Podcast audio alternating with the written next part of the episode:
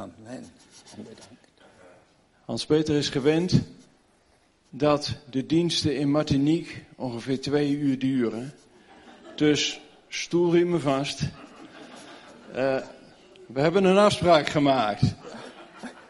Ik zit halverwege de zaal. En na een half uur ga ik op, het, uh, op de geluidsbox zitten daarvoor. En dan heeft hij nog drie minuten om af te ronden. Ai, ai, ai. Heel erg. Hans Peter. Dank je wel. Voel de vrijheid. Dank je.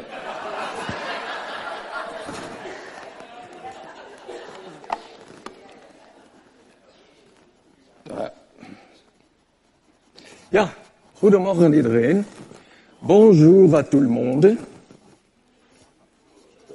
Ja, zijn er maar een paar de Frans sprekenden nog onder ons. De verloren zoon is teruggekeerd. En het is waar, we hebben met elkaar uh, hebben ons afgevraagd wanneer het de laatste keer was dat ik hier in Menorah was. En wij weten. Maar wat ik wel weet. Oh, sorry. Wat ik wel weet is dat. Gedurende de tijd. Ah, oké. Ja, oké. Okay. Ja, dus dat jullie achter mij stonden. Dat jullie mij gesteund hebben door jullie gebeden en ook financieel. En ik wil jullie daarvoor heel hartelijk danken. En ik reken ook in de toekomst op jullie steun.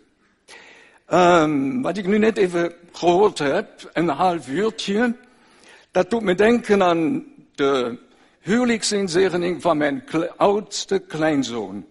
En hij zei mij, ik wil dat, mijn, dat jouw preek niet langer duurt dan 15, uiterlijk 20 minuten. Ik zei voor een huwelijk. Anyway, ik moest dus de tijd respecteren. En aan het einde van de preek werd daar geklapt. En ik zei tegen de mensen, men klapt niet voor een huwelijkspreek. En de voorganger zei, ze klappen niet vanwege jouw preek. Ze klappen omdat je de tijd ingehouden hebt. Dus ik hoop dat vanochtend een soortgelijk wonder kan gebeuren. Oké, okay, ik wil graag met jullie iets lezen uit het woord van God. En ik bid dat het woord wat ik mag delen met jullie echt een toegang mag hebben in jullie hart. Uh, dat is geloof ik hier. Is dat zo? Ja, dus vanochtend wil ik spreken over een barst in jouw wapenrusting. Ik weet niet of jullie iets daarover gehoord hebben, maar in elk geval, we gaan lezen samen in 1 Koningen hoofdstuk 22. En wij lezen samen alleen de versen 33 tot en met 35. Maar ik heb huiswerk voor jullie.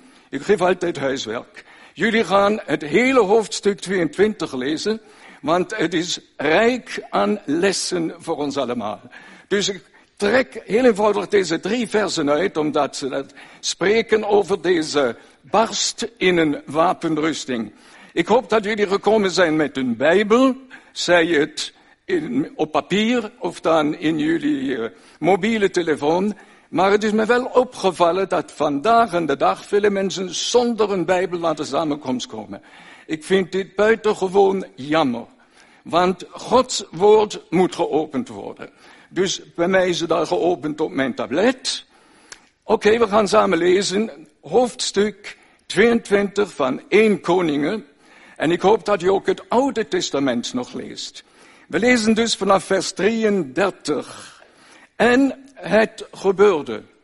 Zodat, zodra de bevelhebbers van de strijdwagens zagen dat hij niet de koning van Israël was, het was namelijk Jozafat en niet Achab, dat zij van hem afkeerden.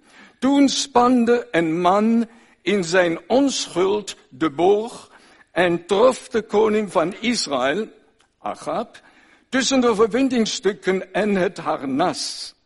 Toen zei deze tegen zijn wagenremmer, wend de teugel en breng mij weg uit het leger, want ik ben gewond. De strijd leidde die dag echter hoog op. De koning werd in de wagen staande gehouden tegenover de Syriërs, maar in de avond stierf hij. Hij bloedde van de wond eh, van de wond ja, vloeide in de bak van de wagen tot hier toe. Een poos geleden heb ik een boek advertentie gezien. Dus in het Engels is het, there is a crack in the armor. In het Nederlands kunnen wij dan zeggen, er is een barst in jouw wapenrusting. En weet u, dat thema dat heeft onmiddellijk mijn aandacht gehad. En daar is een ondertitel en die zegt dan, sleutelstrategieën om beschermd te blijven en om jouw geestelijke strijd te winnen. Vanochtend is mijn vraag, hebben jullie allemaal het verlangen om de geestelijke strijd te winnen en om, pardon, maar mijn tablet heeft even overzegd, ja. En dus ook om beschermd te blijven.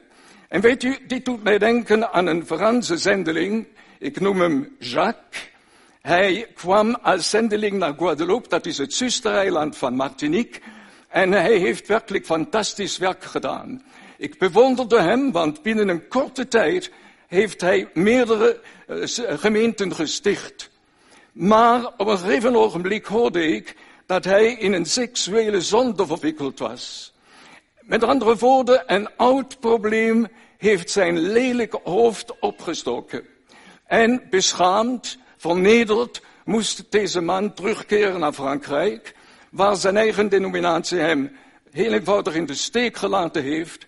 En Jacques heeft nooit zijn geestelijke status teruggekregen. De reden waarvoor, dat is heel eenvoudig, omdat daar een krachtige barst in zijn wapenrustig was. We gaan straks nog een paar redenen, oorzaken daarover vermelden. Maar in eerste plaats wil ik eventjes ons thema in drie punten onderdelen.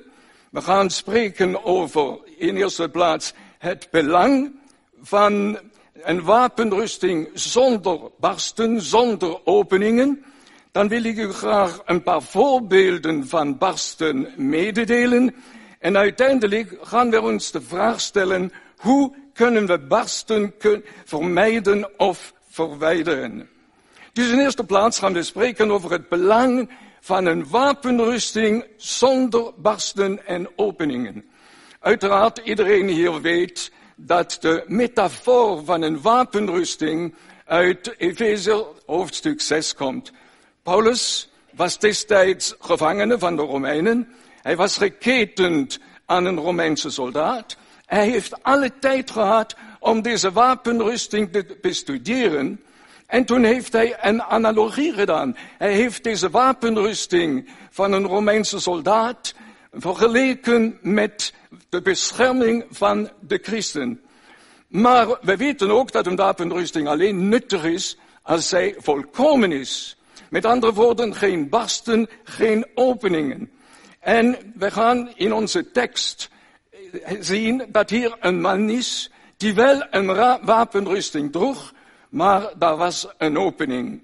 Dus ik wil het graag met de behulp van twee voorbeelden laten zien wat dat betekent een barst in jouw wapenrusting. Dus Achab, hij ging in de oorlog tegen de Syriërs en dan lezen wij dat daar een man was die heel eenvoudig toevallig, zegt de Franse Bijbel, een pijl afschoot en die dan koning Achab raakte. Er wordt gesproken hier over een, ja, een, een opening, een kleine opening, maar voldoende om een dodelijke pijl af te schieten. En hierbij zien wij hoe belangrijk het is dat onze geestelijke wapenruster compleet, volkomen, volmaakt is. Anders kan het noodlottig voor ons worden. Dan betekent dit ook voor ons dat wij onze eigen wapenrusting gaan regelmatig onderzoeken. Is zij volmaakt? Of zijn daar barsten, zijn daar openingen, zijn daar mogelijkheden voor een dodelijke pijl van de vijand voor ons? En dan hebben wij een tweede voorbeeld. Dat tweede voorbeeld komt uit de Griekse mythologie. En u weet misschien reeds waarover het wil hebben. Het gaat namelijk om een man die Achilles heet. We willen eventjes een kijkje doen in zijn geschiedenis. En ik wil jullie laten weten wat een woordenboek over deze Achilleshiel zegt. Staat het hier? Nou, hier is een Romeins. Uh, ja. Voilà. Het woordenboek beschrijft de Achilleshiel als een fatale zwakheid, ondanks een algemene grote kracht, die tot de derf kan leiden. Ofschoon de mythologische verwijzing betrekking heeft op fysieke kwetsbaarheid, kan de Achilleshiel metaforisch verwijzen naar andere attributen die kunnen leiden tot falen of ondergang. En einde van dit citaat. Dus uh, er wordt een legende verteld van de moeder van Achilles. En dan moet ik eventjes nog eens terug. De godin Thetis, die heeft haar zoon Achilles bij de hiel gepakt en in de rivier Styx gedoopt. Met andere woorden, dat deze rivier uh, Styx maakte iemand onkwetsbaar. Dat betekent dus dat het hele lichaam van Achilles onkwetsbaar was, behalve de plek waar zij zijn, haar zoon hield. U kunt het zien daar op, de, op het scherm. En uh, met andere woorden, alleen de hiel van Achilles was kwetsbaar. En een zekere Paris heeft daarvan gebruik gemaakt en heeft dus zijn dodelijke pijl op het hiel van Achilles geplaatst. Dus het is belangrijk, wij zien het nu uit het voorbeeld van Achab, wij zien het uit het voorbeeld van Achilles, dat het werkelijk belangrijk is dat wij beschermd zijn in ons hele christelijke wezen. Misschien weet u dat sommige christenen dagelijks aan grote verzoekingen uitgesteld, blootgesteld zijn. Uh, ik wil even een voorbeeld noemen. Ik heb een vriend, Harry, een Martiniquijn, en voor zijn bekering was hij werkelijk uh, met de seks verwikkeld. Uh, zowel uh, pornografie als onreinheid, vrouwen enzovoort. Hij kwam tot de Heer en de Heer heeft hem ook losgemaakt van pornografie, van al deze drang naar seksuele avonturen. Maar nu werkte hij bij een bedrijf en dat was een collega, vrouwelijke collega, die regelmatig seksuele avances maakte. Mijn vraag is, hoe kun je blijven staan als je Achilles hield juist de seks was? Dat kan alleen als je werkelijk een wapenrusting draagt die geen barsten en die geen openingen vertoont. Dat leidt ons tot het uh, volgende punt, namelijk enkele voorbeelden van barsten. En ik wil daar eventjes een paar punten vermelden. In eerste plaats wil ik spreken over het verwaarlozen van de dagelijkse onderhoud van ons geestelijk leven. En daarbij denk ik aan een bemerking, aan een woord van de apostel Paulus.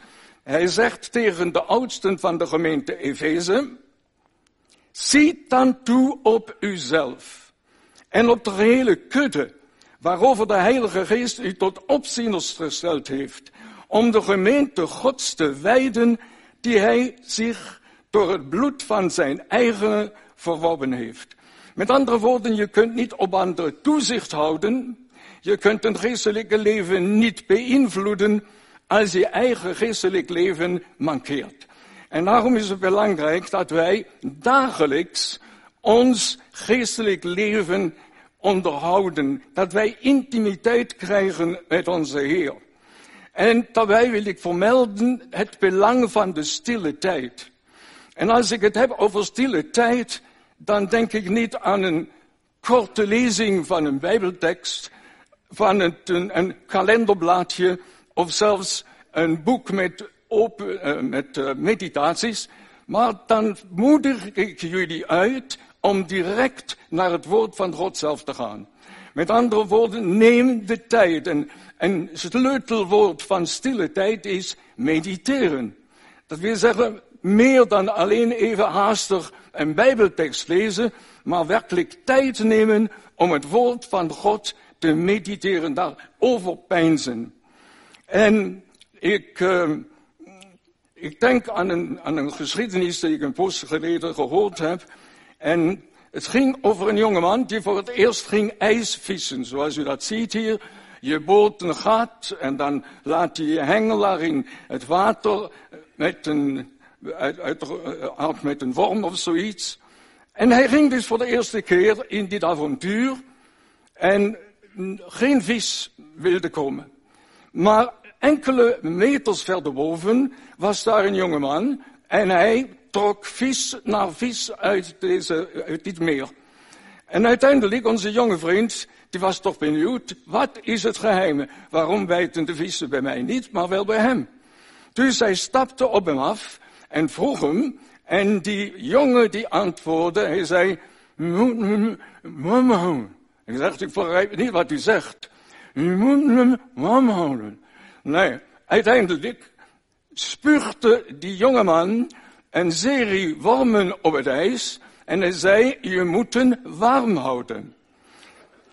Ik uh, hoop dat u begrijpt wat ik daarmee bedoel, want wij moeten ook ons geestelijk leven warm houden. En daarom is het belangrijk dat wij een dagelijkse omgang hebben met onze Heer. Misschien hebt u van John Maxwell gehoord. Denk wel dat hier enkele mensen kennen. Eh, John Maxwell was of is nog steeds een specialist in leiderschap.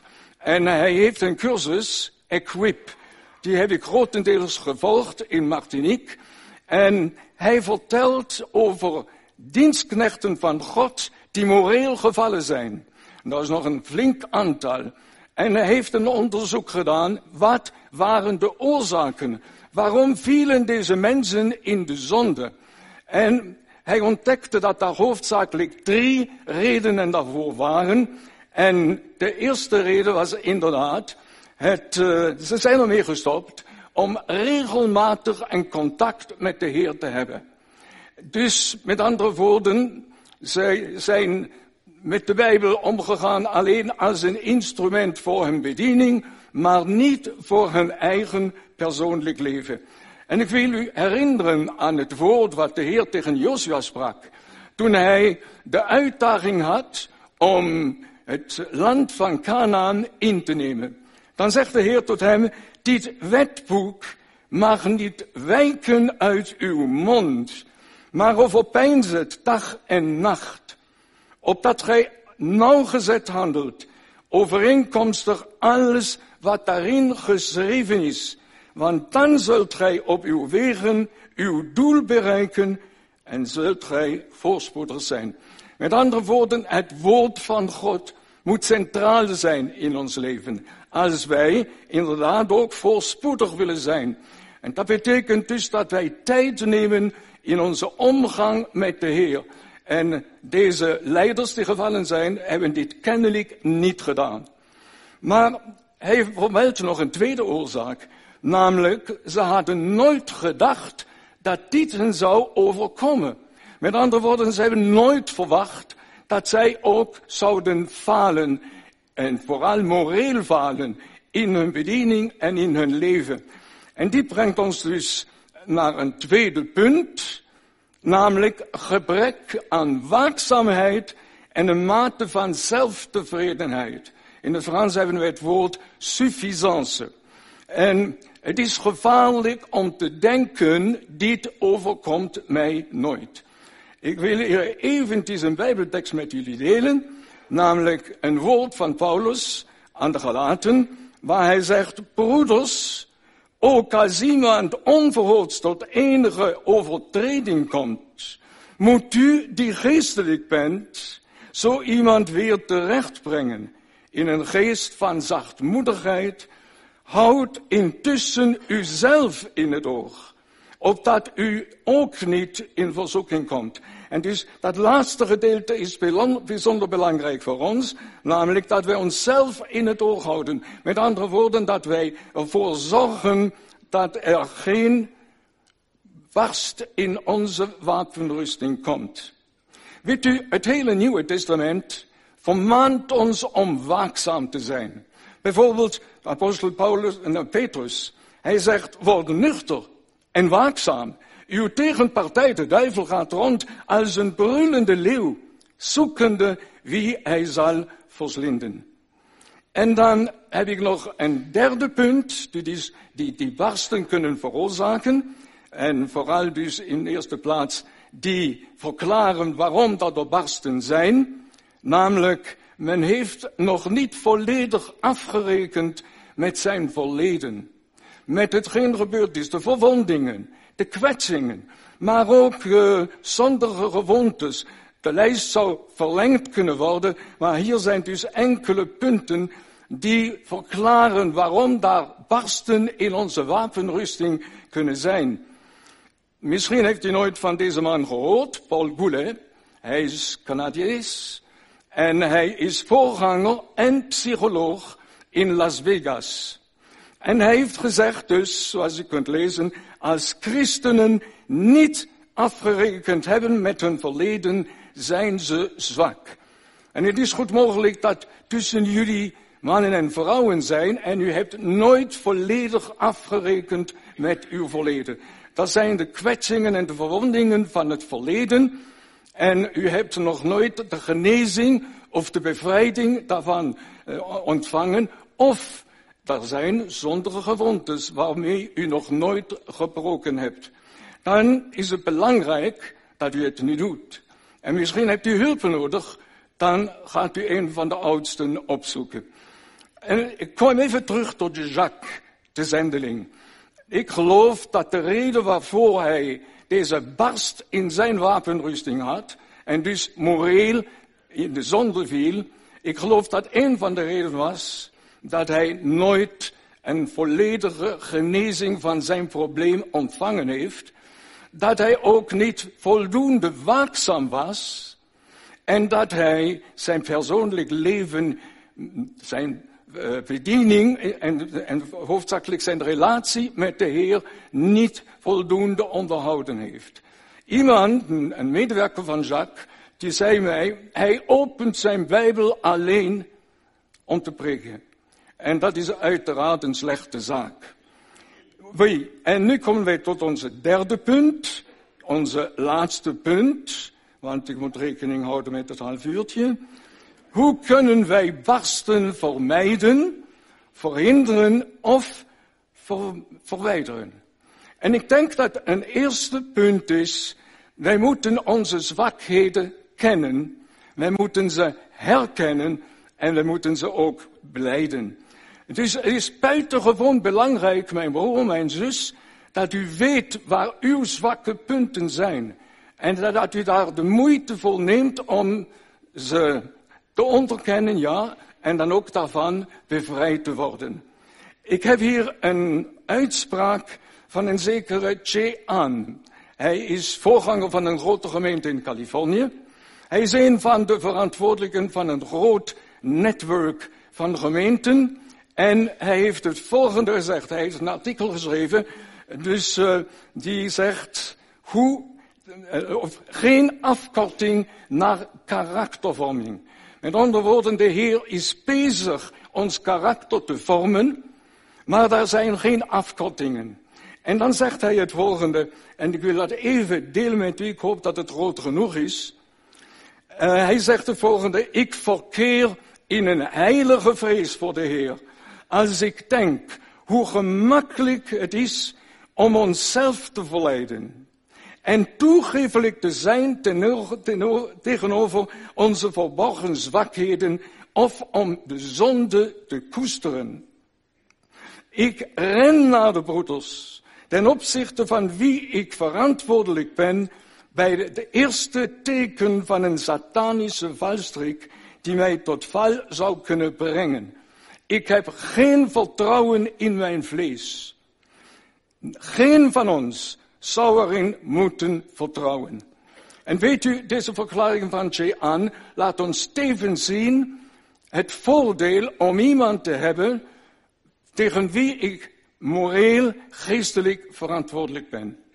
Uh, mijn vriend Harry, waarover ik het net had, die daar uh, die, die seksuele avances had te verwerken, hij zei tegen mij, je mag mij alles vragen wat het ook mogen zijn, je mag het mij vragen. Met andere woorden, hij voelt zich verantwoordelijk tegenover mij. En ik geloof dat dit een goede zaak is voor hem. Dan hebben wij als tweede uh, ja, dus reden waarom dat daar barsten kunnen zijn in ons leven. Het feit dat onze kwetsbaarheid vaak in het gebied van de seks is. Ik weet, in, in sommige gemeenten, als je het woord seks noemt, dan krijgen de mensen plotseling een heilige uitdrukking. Hè? Maar ik wil je zeggen dat de Bijbel spreekt openhartig over seks. Lees eens uh, Hooglied, dat is voldoende. Dus, uh, als ik het heb over seks, dan geloof ik dat iedereen die eerlijk is vanochtend gaat toegeven dat niet, niet altijd um, dat het niet altijd makkelijk is om de seks te overwinnen. Al we moeten weten dat onze bekering ons niet bevrijdt van onze seksualiteit en van onze seksuele driften. God heeft ons zo geschapen. Maar hij wil uiteraard dat wij zijn wetten behartigen, dat wij hen gehoorzamen en dat wij niet uh, de seks zomaar bedrijven, maar alleen binnen een huwelijk. Alors, ik wil hier even een voorganger voor voorgangers laten spreken. Hij zegt het volgende, H.P. London. Hij zegt, ieder mens wordt geconfronteerd met één of andere verzoeking, ongeacht hoe getalenteerd of hoe oud hij mogen zijn.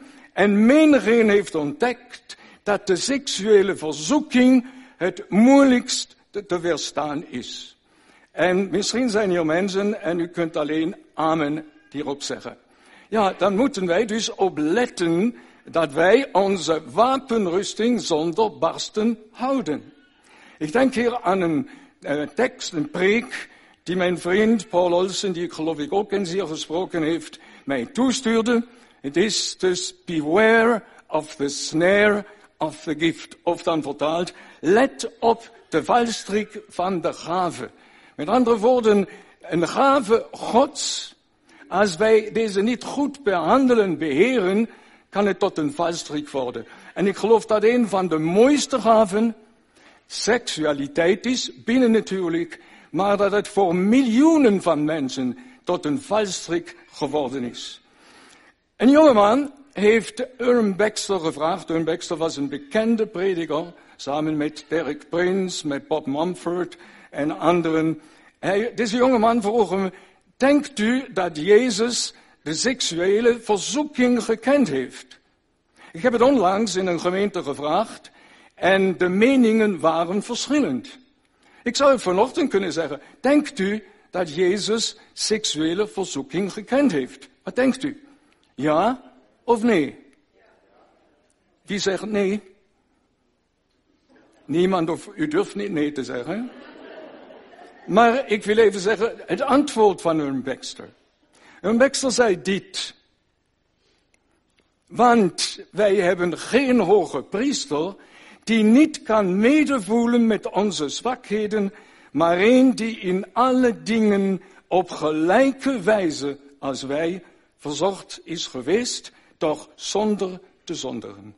Jezus zou nooit een barmhartige hoge priester kunnen zijn in elk aspect van ons leven, als hij niet ook de verzoeking van de seks gekend had. Hij was mens, ondanks het feit dat hij ook tegelijkertijd God was. En op deze wijze kende hij alle verzoekingen die ook wij gekend hebben. En daarom even een woord voor de getrouwden, de stellen hier die getrouwd zijn. Het is belangrijk dat u ook uw intimiteit onderhoudt. Want dat is een van de beschermingen tegen de verleidingen en verzoekingen die we allemaal in deze wereld tegenkomen. Ja, en wat de ongehuwden betreft, de celibatairs, zoals wij bij ons zeggen, en ik ben het ook weer, dat betekent dat wij op een bijzondere wijze op de genade van de Heer moeten rekenen om ons rein te bewaren en om geen barsten of openingen toe te laten in onze wapenrusting. En dan heb ik nog een derde punt, namelijk de vaste beslissing te nemen om geen compromissen te sluiten met de zonde, welke zonde dan ook. En ik denk hierbij aan Daniel. Van hem wordt gezegd, Daniel nu nam zich voor zich niet te verontreinigen met de koninklijke spijzen of met de wijn die de koning placht te drinken. Het was een vastberadenheid. Hij nam zich voor. Geen compromissen sluiten. Voor hem was het een kwestie van uh, eten, drinken, dus overeenkomstig de Joodse spijswetten. Voor ons is het meer op moreel gebied. Het beslis te nemen, de beslissing te nemen om geen compromissen te sluiten met de zonde.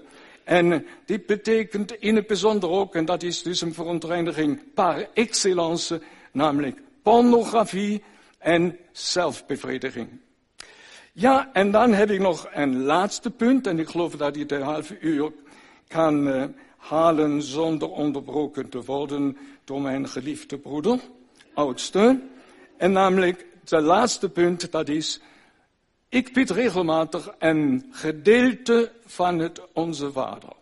En u mag raden welk gedeelte ik ja, lees en bid. En dat is dus, leid ons niet in verzoeking, maar verlos ons van de boze of van het boze. En dus, wij zijn allemaal mensen. Wij hebben allemaal onze verzoekingen, de verleidingen waarin wij allemaal blootgesteld zijn. En ik geloof dat dit een deel is van het Onze Vader die ons allemaal op een bijzondere wijze aangaat. Namelijk dat wij bidden om niet verleid te worden door de verzoekingen en de verleidingen die overvloedig zijn hier in onze wereld. Ik wil, ik zou er nog meer daarover kunnen zeggen, maar uh, dit, en dat kunt u ook bidden als het tenminste als dit uw verlangen is, namelijk ik zeg, Heer, neem mij eerder weg, laat mij sterven, maar ik wil niet tegen u zondigen. Ik wil mijn wapenrusting geheel houden. En ik hoop dat dit ook uw verlangen, uw gebed is. Ik wil dus sluiten met een serie vragen die wij ons kunnen stellen.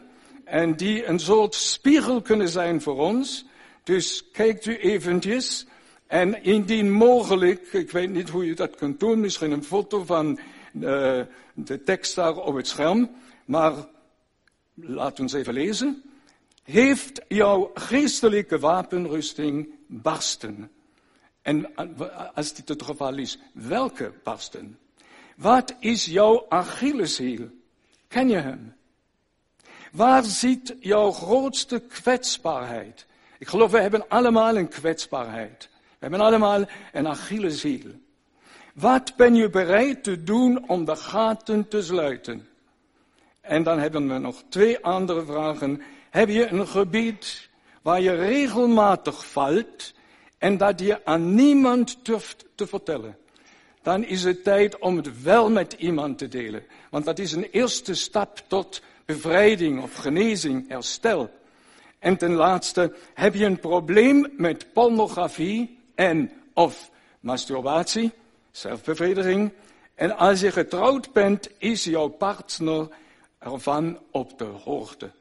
Ik heb meerdere keren heb ik meegemaakt dat mensen tot mij kwamen en die beleden dat ze een probleem hadden met de pornografie.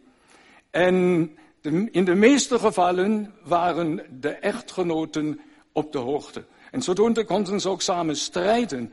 En ik zou willen zeggen, als pornografie of zelfbevrediging, masturbatie, een van jouw problemen is en je bent getrouwd, deel het met jouw eh, eh, partner. Opdat jullie samen kunnen strijden en samen kunnen de overwinning behalen. Trouwens, ik heb ook gezien hoe dat mogelijk is. Ik weet dat het voor sommigen een lange weg kan zijn, maar het is mogelijk om van pornografie, van deze drift, van dit verlangen, volledig bevrijd te worden. De Heer zegen jullie allemaal. En ik wil even nog met jullie bidden. Jullie weten dat na afsluiting, dat daar uh, de oudsten jullie beschikking staan. En als u door een van die punten die ik mocht aanhalen vanochtend geraakt werd, dan ga niet zomaar naar huis, maar kom naar voren voor gebed. Laat ons bidden. Vader, ik wil u danken dat uw woord nog steeds krachtig is en nog steeds de waarheid is.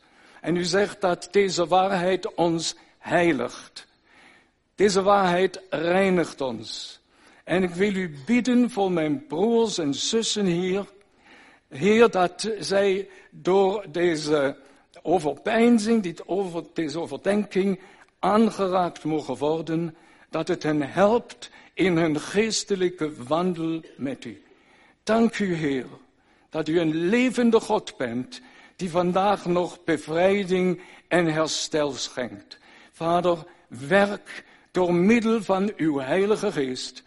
Laat ons groeien in onze relatie met u en dat wij niet toestaan dat pasten of openingen onze wapenrusting verzwakken. Ik vraag u deze, deze zegeningen in de machtige naam van Jezus Christus. Amen. Amen. De Heer zegen u